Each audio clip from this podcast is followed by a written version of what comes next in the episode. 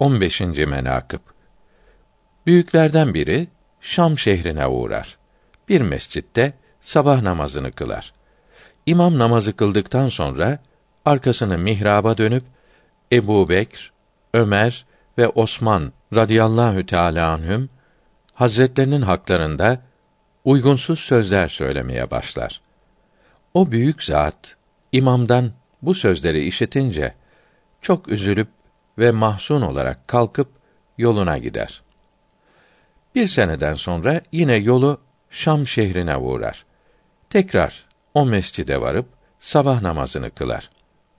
Namazı kıldıktan sonra imam olan kimse arkasını mihraba dönüp o serverlerin Ebu Bekr, Ömer, Osman radıyallahu teâlâ anhüm hazretlerinin büyüklüklerinden bahsetmeye, onları met etmeye başlar.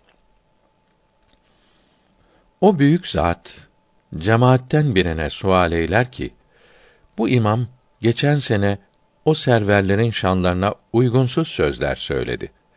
Şimdi de met ve sena eyledi. Sebebi nedir? O Müslüman dedi ki: Evvelki imamı görmek ister misin? O büyük zat dedi: Görmek isterim. O da önüne düşüp bir odaya girdiler. Gördü ki bir siyah köpek boynundan zincir ile bağlı yatar.